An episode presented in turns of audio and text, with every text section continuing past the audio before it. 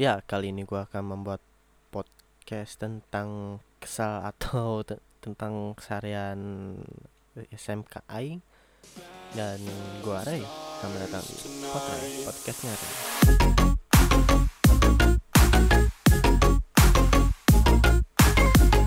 Ya, selamat datang lagi di podcast Aing podcastnya Ray dengan gue Ray. Sebenarnya gue pengen buat podcast dari kemarin. Sumpah nggak bohong. Kena apa ya? Gue dari kemarin banyak banget masalah gitu loh. Makanya ini judulnya kesal mungkin itu pas banget bagi gue ya. Ya.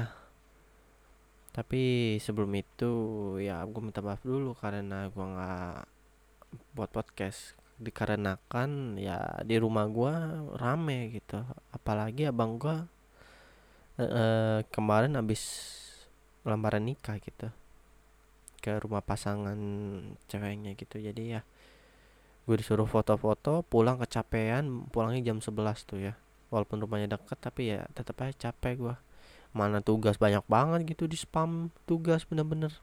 Nah gua akan ngasih beberapa hal yang gue benci banget gitu sampai gue bikin kesel banget. Yang nggak tahu kenapa ini membuat gue stres juga sih ada yang gue buat stres gitu walaupun bukan tugas benar-benar tugas cuma ya kehidupan gue tapi ya itu masalah ego du ego gue sendiri sih. Tapi sebelum itu sebelum itu lagi gue nggak tahu kalian nyaman dengan podcast gue ya. Gue nggak tahu sama sekali kalian suka dengan podcast gue atau tidak ya. Tapi kalau gue sebenarnya ingin mengucapkan terima kasih sebesar besarnya untuk kalian ya. Sampai-sampai udah season 2 aja ini potray. Yang bentar lagi season 3 mungkin tapi ya gue nggak tahu. Tergantung dengan topik yang gue akan bahas nantinya ya. Ya. Oke lanjut yang pertama sih gue mau ceritain apa ya? Nah ini aja nih. Gue sebel banget ya. Ini sekolah gue kan katanya sekolah ramah anak ya. Sampai-sampai ada deklarasi sekolah ramah anak SMK bla bla bla gitu dari tanda tanganin gitu sama guru wakil kepala sekolah gue tetapi gue ngeliat malah lebih parah. Kok kenapa parah ini cok? Kenapa parah? Yang pertama kan pas lagi sel bukan soal Jumat pas lagi hari Selasa tuh Kamis ya? Oh Selasa Selasa. Pas hari Selasa gua itu kan biasanya tadarus gitu di lapangan dengan gak ada alasnya masa kalah sama SMP gua yang pakai terpal? Lah ini pak udah sekolah elit. Terus lahan besar yang nggak besar besar banget sih itu mah kecil. Terus ada ininya asramanya gitu. Masa pakai terpal juga kagak? Itu yang gue heran.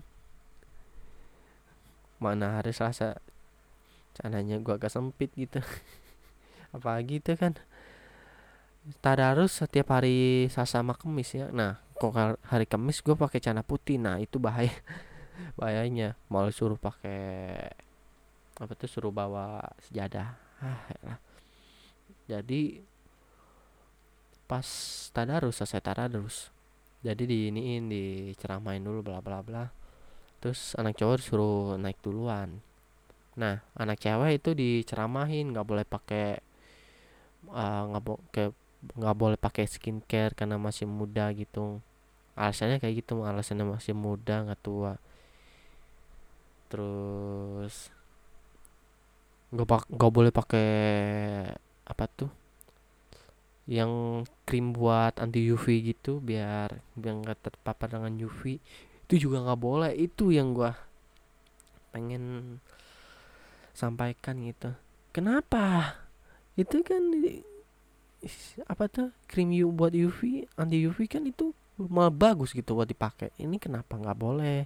Kenapa nggak boleh dipakai? Ini kan juga uh, kegiatan di sekolah 60% sampai bukan 60 sih kayaknya 40 persenan itu kelahan ya. Lahan buat macul pengendalian OPT apa gitu. Mungkin ya bisa panen nantinya gitu. Tapi ya pakai krim anti UV itu wajib gitu biar nggak gosong-gosong amat tuh kulit. Udah gosong nama gosong. Nah juga skincare. Skincare menurut gua ya gimana ya? Gua belum kepikiran sih skincare itu gimana ya. Soalnya gua nggak pakai skincare gitu jadi nggak nggak terlalu bermasalah tapi bermasalah untuk cewek tapi mungkin cara penyampaiannya yang menurut gua itu bukan ramah anak tuh. Bikin anaknya tertekan gitu murid-murid tertekan gitu. Apalagi nih ya ada guru-guru pada statement kalau habis ngajar harus kasih tugas gitu biar anak-anaknya nggak leha-leha gitu. Di rumah nggak tidur tiduran nggak main HP terus tidur apalah main yang aneh-aneh. Enggak harusnya nggak boleh itu buset dah itu guru gua tuh yang bilang tuh yang pergi mulu kok eh Beijing Permai. Bukan Beijing Permai Depok bukan Beijing. Terus Paris. Terus ke Cina. Eh Cina sama Beijing ya sama aja sih. Terus ke kota-kota Eropa kayak di Belanda gitu. Dia bilang kalau kalau nggak dikasih tugas anak-anaknya keluyuran. Enggak. Tuh dampaknya ngapa? Semua pelajaran dikasih tugas. Wah gila puyeng banget stres gua stres. Belum nih tugas belum selesai nih apa tuh poster? Disuruh buat inian apa tuh uh, ngeringkas buku. Belum hafalan yang satu ada hafalan lagi yang satu yang jauh lebih kesa yang jauh lebih rumit gitu yang bikin gue tuh gimana ya? Gue udah gue nggak bisa hafalan ya. Gue nggak bisa sama sekali hafalan ya. Nggak sama sekali sih kayak ya sebagian besarnya gue nggak bakal bisa hafalan gitu karena faktor dari daya ingat gue yang yang kurang gitu. Ya tambah lagi mana ada ulangan hafalan pula ya ini guru juga mau ini sih mau melahirkan soalnya dia lagi keadaan hamil juga sih ini guru gitu. Jadi nanti nantinya nggak ini sih nggak nggak ngajar ya. Mungkin karena ya karena dia bukan mungkin ah bahasanya loh. Karena dia itu mau melahirkan juga.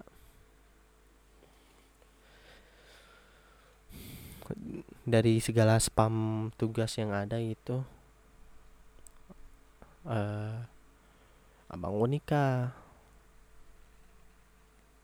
Gue keselnya kenapa gitu? Nikahnya eh jangan dah gue ngomong-ngomong. Pribadi nih masalah keluarga nggak boleh di internal cok. Bukan eksternal enak kayak jadi gue mau ceritain masalah pribadi gue aja sih nggak. Masalah keluarga nggak boleh nggak boleh. Tidak boleh anda ini ya emang gue kayak Baing Wong gitu yang prank KDR tetet prank nggak jelas terlalu minum dulu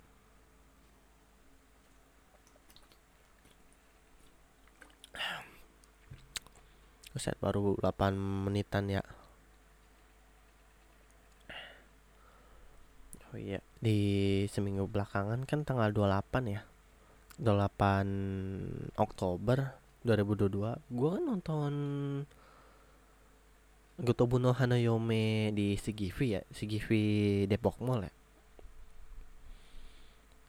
Habis sholat maghrib ya itu overall itu anime bagus ya. Kalian bisa nonton review gue di Zedafnim gitu dengan segala spoilernya.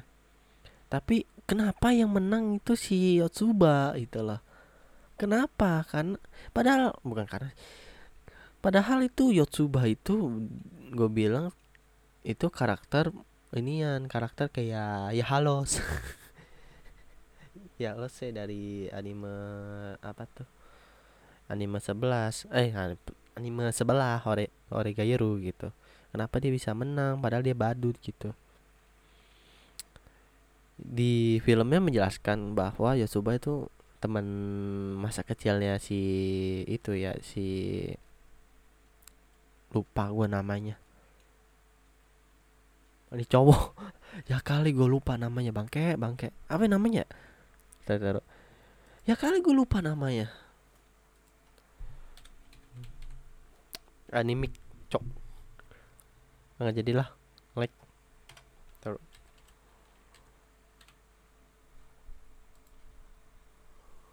Eh ya Allah lupa gue namanya. Gue emang kayak gitu. Suka lupa kan gue udah bilang gue orangnya suka pelupa. Ditambah apalan apalan apalan lagi.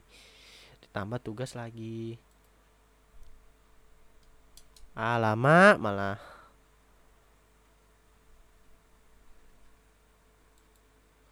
bentar bentar.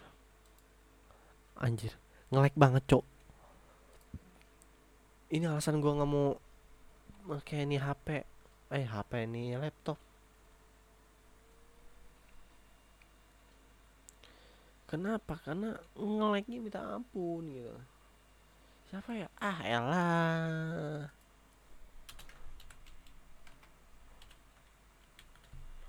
gue nonton gue yang review gue yang lupa gue nggak nggak ketemu ya. Uh,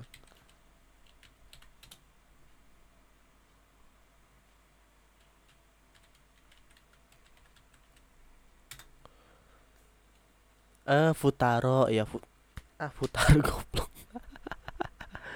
Futaro. Dari ini Futaro dulu punya teman semasa anak kecil bernama Yotsuba ya. Nah dia punya kenangan masa indah gitu sama Yotsuba sampai-sampai. Nih Yotsuba nih kok pas waktu itu dia kayak tersesat gitu ditolongin. Terus Futaro ngarahin dia ke kuil gitu. Dan Futaro ngasih uang koin 5 yeng kalau nggak salah ke kotak amal gitu di kuil gitu ya ya gue kalau buat podcast sekarang kok kayak goblok banget gitu. Jadinya kayak gitulah. Berdoa biar nih anak kembali gitu. Terus terus ketemu gitu sama kembaran lainnya. Kalian bisa nonton aja di potret eh potret di channel gue Zedafnim gitu di review Gotobun. Karena alasannya itu si ini nih si Yatsuba nih temannya si ini teman lamanya di yang diincerin oleh Futaro. Jadinya dia kepilih. Walaupun gue best banget gue uh, tim banget. Miku wah temen gue tim Yotsuba langsung seneng di anjing. Langsung tem temen gue langsung teriak-teriak di mall eh di mall di bioskop. Ore gue menang ore Yotsuba menang. Wah diliatin. Gue langsung kayaknya nih udah isa dah gue mau sholat dulu. Tai emang. Punya temen bangsat banget emang. Ya gitulah akhir dari kehancuran tim Miku ya. Miko Ichika Yatsuba eh Yatsuba bukan Yatsuba menang pergi loh dan lain-lain lah kembaran lainnya. Ichika Nino ya gitulah. Itulah kancurannya set tapi ya ini anime menurut gue ya ani kayak season 2 nya gitu grafiknya sama aja gitu simple tapi colorful warnanya pasta. Anime nggak terlalu menarik gitu. Bu yang menarik itu anime SAO yang pertama kedua ketiga dong sama anime Korea Suji kalau Morality The Patriot mungkin. Boleh Morality The Patriot itu dari segi alur ceritanya itu emang dia itu misteri. Anime apa lagi yang gue suka ya? Hmm, visual free visual prison itu anime idol ya. Anime idol tapi cowok semua. Yang menurut gue nih animenya bukan sekedar lagu isi gitu. Kagak ini mah anime yang lumayan padat gitu. Tapi ada juga yang agak kopong. Ya kalian bisa nonton ya. Tapi kalau kalian bilang ini anime gay wah tidak boleh. Eh anda ini yang pengen saya tabok kah? Udah jelas itu bukan cok. Blok Aduh, aneh-aneh aja kawan ini ya. Oke ya. Ini di 14 menit ya. Hmm. Gue mau lanjutkan ke masalah pribadi gue ya masalah kesal pribadi ego gue jadi ada cewek yang gue udah suka banget dari dari dulu dulu gitu. Kenapa dia ini mirip banget sama mantan gue yang yang gue ceritakan di cinta online ya? Dia mirip gitu. Tinggal gue wah yang gue incar sama ini sih. Jadi gue deketinnya secara perlahan gitu. Dan hancur seketika. Wah jadi ya sebelum gue cita citakan hancur kehancuran itu gue ceritain dulu. Gue udah deketin gitu sama dia gitu udah lama dari gue putus dari ini mantan gue ya. Sampai bikin drama lagi ke cinta orang yang kedua. Terus putus lagi stres gue ngeliat dia gitu. Gue jadinya gue uh, berteman sama dia gitu akrab gitu ya sebenarnya ada cewek yang sudah lama suka sama gue dua cewek gitu. Asik. Emang buaya gue bener. Gue titisan buaya. Padahal gue nggak ini cowok nggak punya temen cewek sebanyak gitu. Tapi ya itu kenyataan gitu. Ada yang cewek yang suka sama gue tapi gue tolak karena ya gue udah trauma lagi gitu sama masalah cinta online gitu. Dua cewek ini jadi ya gue temenan sama temen gue ini teman sekolah ini ya akrab gitu. Tolak TV gitu. Dari sebelum sesudah gue PKL sih itu. Gue incarnya. Sampai akhirnya gue itu memilih menjauh dia karena gue ngeliat dia ngeri risi gitu. Risi sama gue kelihatan dari dia ngobrol gitu yang selalu berpaling dari gue gitu. Asik. Ya deh re, re. jadi dia kayak gak ajak ngobrol gue gitu ngajak ngobrolnya teman-teman gue gitu. Gue sebenarnya fine fine aja dia ngomong sama siapa ya ini juga bukan pacar gue juga gitu. Gue ya gue incar doang gitu. Tapi ya perasaan sakit hatinya sama cemburunya ada gitu anehnya. Itu yang gue heranin gitu aku kok kok gue cemburu gitu padahal. Itu cuma temenan gitu yang gue incar dulu baru gue ini nembak. Gitu loh ada perasaan cemburunya loh. Padahal itu bukan pacar gitu bukan sahabat juga nih teman biasa yang ngobrol setiap hari gitu. Nggak tiap hari bahas ya kadang-kadang gitu. Jadi kadang-kadang kalau dia kayak gitu gue langsung mau menjauh. Nah sekarang gue memilih menjauh gitu unfollow IG dia. Beuh. terus apa tuh gue privasin privatin status gue dari dia gitu.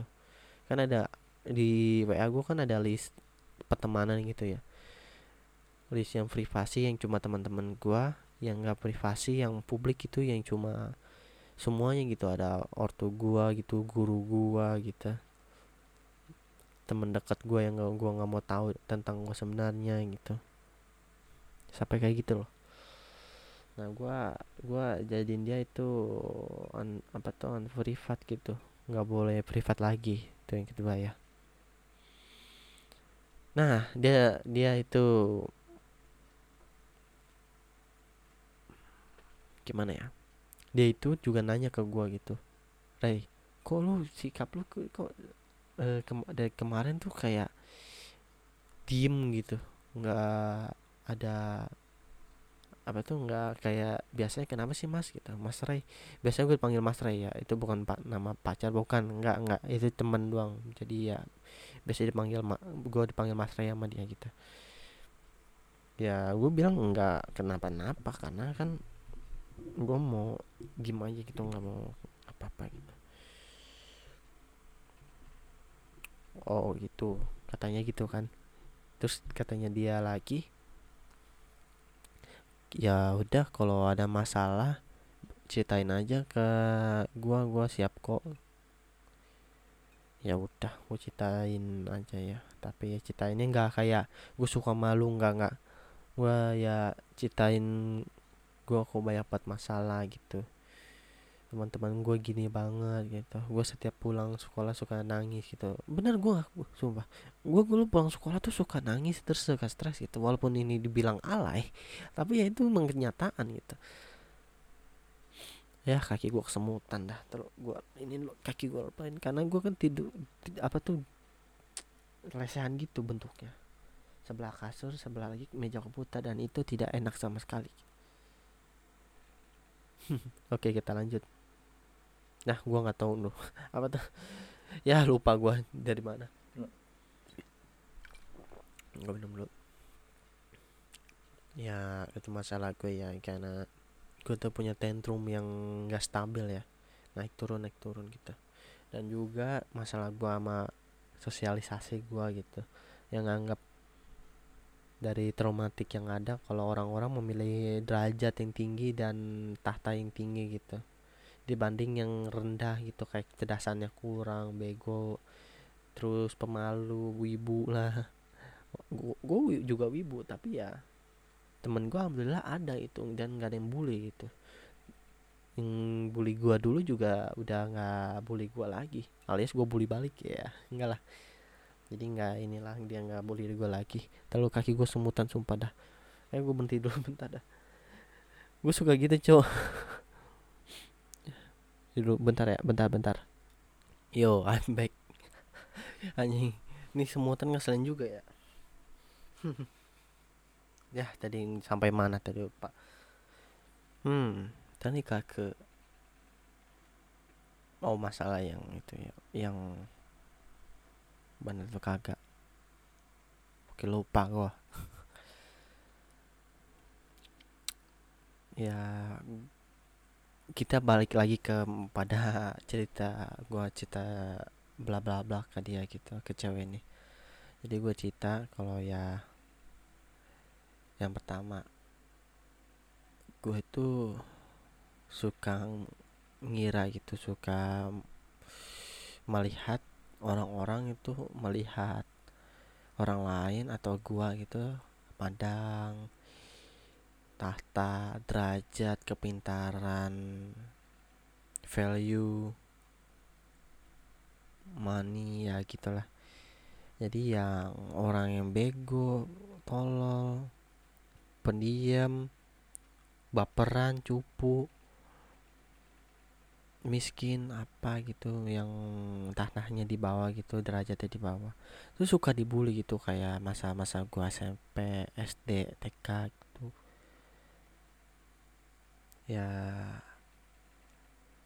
mau milih teman itu baik tapi kita bisa memilih teman itu sebagai apa sebagaimana gitu.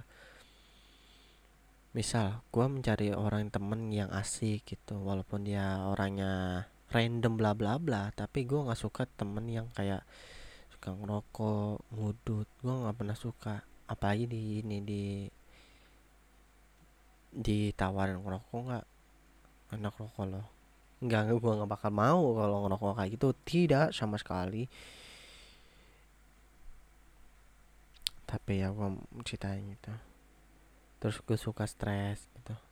Baik lagi yang gue ceritain gue suka stres gitu. Kalau pulang sekolah gitu ngelihat perubahan gue tidak ada gitu malah menurun. Gue hafalan susah.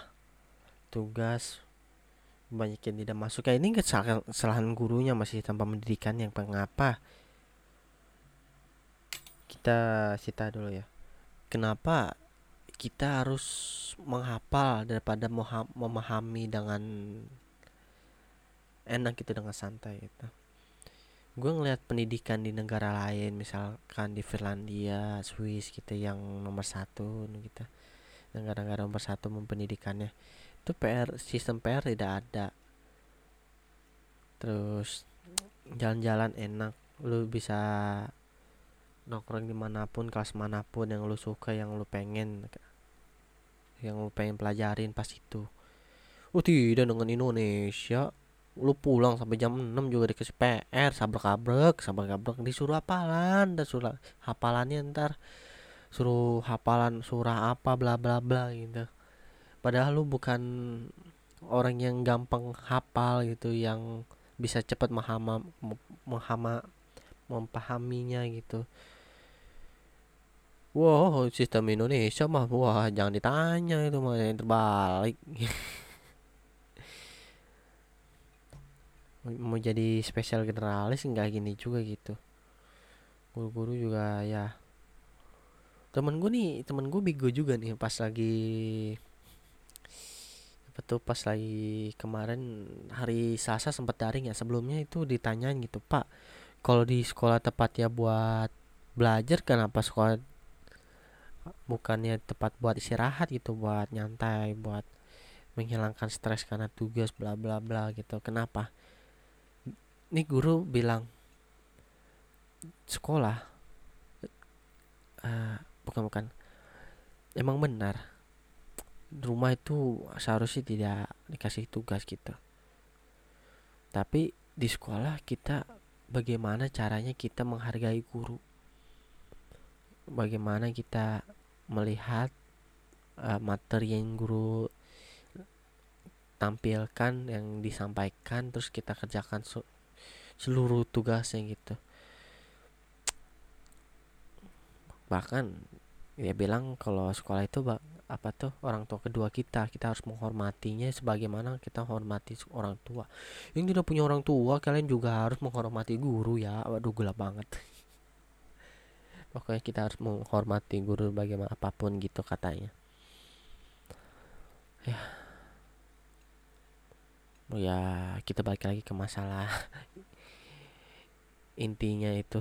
In, apa tuh yang gue cerita ceritain gitu jadi ini cewek bilang ya udah sabar gitu. Berdoa. Gue sebenarnya nggak mau punya pacar gitu. Dia bilang kayak gitu. Gue nggak mau punya pacar gitu.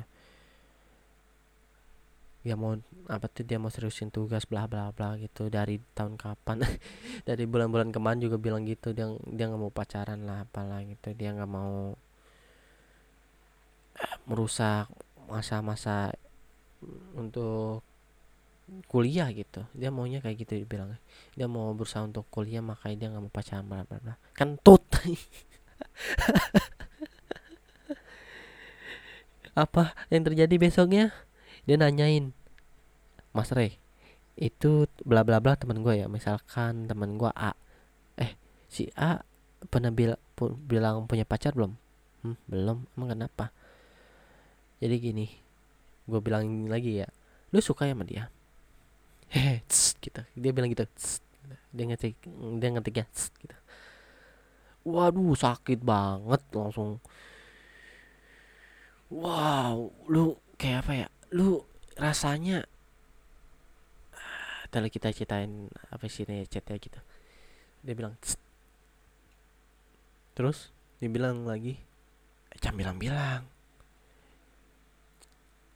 cara deketin dia gimana dia bilang kayak gitu. Mentang-mentang gue suka dikasih rekomendasi apa tuh ditanyain cewek-cewek gimana deketin seseorang gitu. Teman gue gitu teman cowok gue teman cewek gue sama aja bilang kayak gitu. Apa lagi nih ada yang gue incar. Kena NTR gue cok. Asli yang gue yang gue deketin gitu yang gue sampai ada rasa cemburu padahal gue nggak deketin sama dia sampai-sampai gue juga harus menjauh dari dia karena ini sifat tidak mulai bahaya gitu. Walaupun gue bukan pacar dia gitu bukan sahabat dia juga. Kenapa gue bisa pu punya perasaan kayak gitu gitu?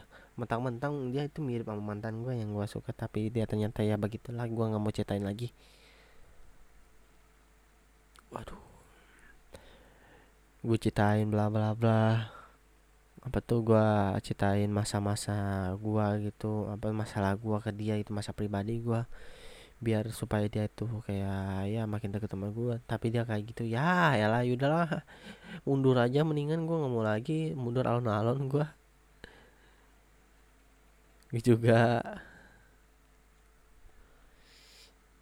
Langsung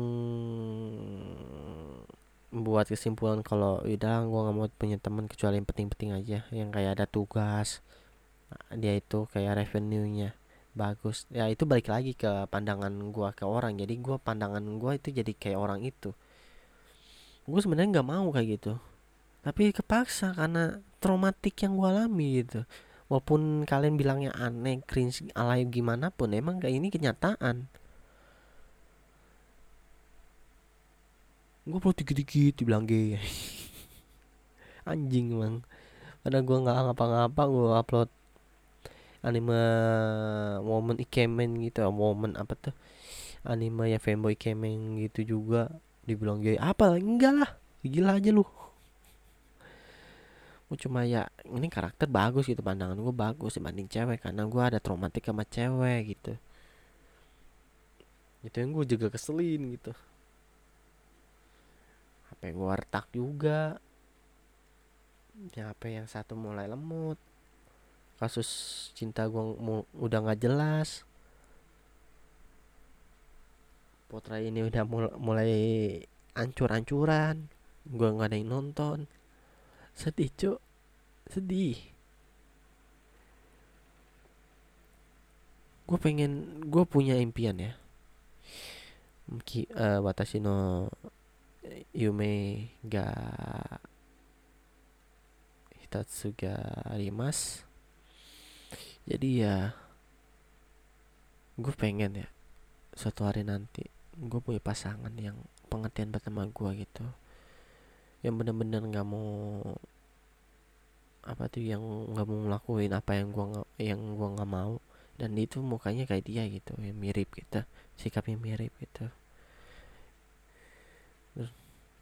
Uh, kuliah bareng atau enggak? Suku day bareng itu buat ngerjain PR bersama gitu untuk uh, kuliah bersama kerja bersama itu yang gue pengenin gitu. Sampai nikah dengan kekayaan gue dari YouTube misalkan dari AdSense sukses dari kreator atau enggak ada dari perusahaan-perusahaan gitu yang gue gerakkan atau juga gue apa tuh gue ngelamar di sana diterima terus gajinya lumayan dan kerjanya yang sesuai dengan passion gue walaupun kentut dibilang fashion juga ya gue pengen gitu kerja sesuai fashion. Ya gue pengennya kayak gitu. Tapi sekarang ya makin ancur-ancuran makin gak jelas. Bahkan potret gue juga udah mulai gak jelas juga karena kehabisan cerita nggak kehabisan juga sih karena gue lupa juga mau apa yang gue bahas. Nanti gue tulis skrip aja biar gue nggak lupa. Ini aja gue udah mulai lupa yang tadi gitu. Jadi ya gue udah mulai muncul nggak percaya nama cewek ya. Walaupun itu dibilang alay keren gak jelas bla bla bla. Tapi ya itu masa pribadi gua. Gua nggak kalian nggak boleh terlalu apa tuh kalian nggak boleh mendekat dengan masa pribadi gua nggak boleh komen gitu. Misalkan itu lu paling benar gitu ya bilang lu nggak boleh gini-gini gitu. Walaupun dia langsung ngutip nabi bla bla bla. Ya itu sama aja kalau apa tuh kayak lu bilang lu jangan rokok lo ini ada ayatnya bla bla bla. Ada ininya ada akibatnya bla bla bla. Terus ada korban gitu bla bla nggak bisa. Orang dibandingin apa tuh kalian dibilang kayak sepaling benar kayak gitu. Kayak misalkan nih tadi gue bilang kayak ada orang rokok diingetin dengan segala ayat gitu dengan segala kecerdasan dia gitu. Dung, apa tuh kecerdasan dia buat uh, menanggapi hal tersebut gitu dengan menghujat mengkritik gitu. Si paling benar emang pada dirinya sendiri lebih parah dia pengangguran dia gimana gimana. Walaupun ini konteksnya di luar gitu. Kalian nggak bisa kayak gitu. Ada proses dan itu susah. Kalian itu nggak boleh terlalu inin orang itu nggak boleh ngehead banget orang itu. Kalian harusnya gimana ya? Ini yang gue selalu tekankan ya. Kok misalkan ada orang yang kelainan gitu. Apa tuh kelainan bukan jiwa ya kelainan misalkan dia gay gitu. Gi ya gay gitu lah. Misalkan dia gay lu lu kayak apa ya? Lu ceramain dia bla bla bla. Misalkan kalau ada ya. Lu seharusnya jangan kayak gitu. Itu bagaikan lu bilang ke teman lu yang rokok berat dengan ayat-ayat terus uh, bukti-buktinya gitu bukti-bukti akibat dari ngerokok gitu tanpa ini tanpa solusi tanpa lu tolongin gitu gimana caranya. Harusnya kayak gitu begitu juga sama yang G gitu. Lu bisa aja berikan solusi gitu. Gimana? Kan kayak ngehead banget ini gitu. Iya deh lu paling benar boleh. Tapi ya orang-orang nggak kayak lu. Ada. Gue yakin banget semua orang itu itu punya uh, komen masing-masing gitu. Karena mereka punya sikap yang berbeda-beda gitu. Selalu gue tekanin gitu. Ya udah kalau ada orang ada masalah jangan di head gitu. Yang menyimpang itu jangan di head lu bisa carikan solusi lu bisa bikin dia lebih baik gitu nggak kayak gitu. Tapi ya begitulah dengan podcast gua mungkin udah selesai. Kan ada 35 menit juga gua nggak mau banyak-banyak. Males. Kan masalah ngeselin banget gitu masalah sekolah masalah tugas masalah hafalan masalah percintaan. Yang dia ternyata apa tuh cewek ini dek, ternyata pengen deketin temen deket gue juga nih yang bener deket juga sih yang ngobrol selalu gitu sama geng-gengan gue si paling geng emang yang gue ceritain di pandangan cinta itu ya. Ya. Begitu dengan potret gue podcastnya Ray. Watashi no namae wa Reto Jano Matane. Ya gitulah gue thank you buat, buat kalian yang masih nonton dan mendengar potret podcastnya Ray dan gua. Out. Sayonara. Bye